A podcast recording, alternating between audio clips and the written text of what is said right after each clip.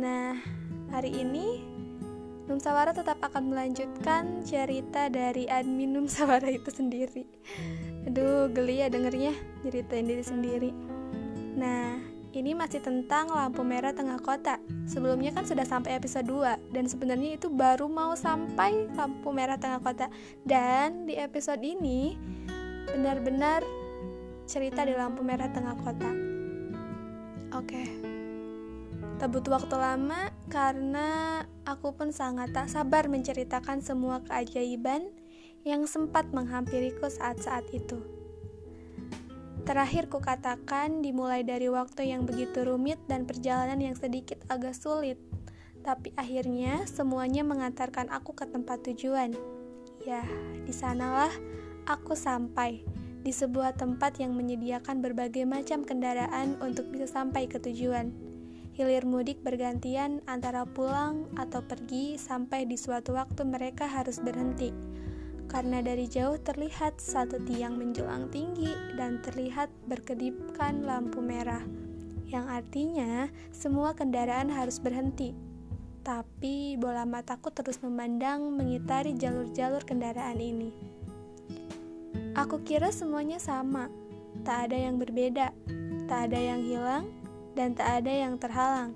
Ini normal-normal saja.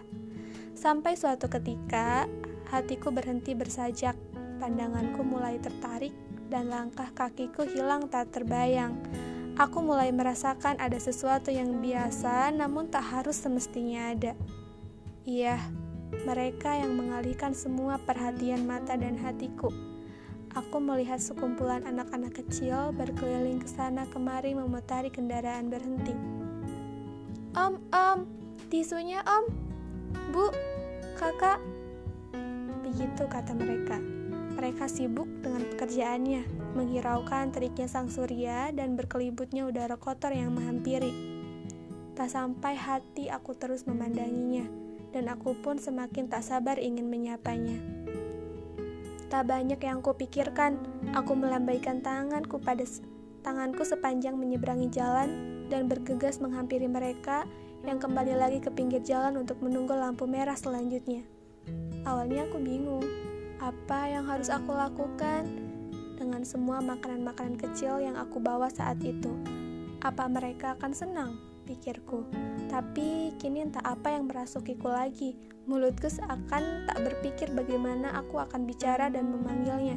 Mulutku tiba-tiba berkata dan meminta satu anak untuk menghampiriku saat itu. Dek, sini, mau kue? Begitu kataku. Adik itu bergegas menghampiriku, dan dia sangat senang melihatku yang tak pernah ia kenal sebelumnya.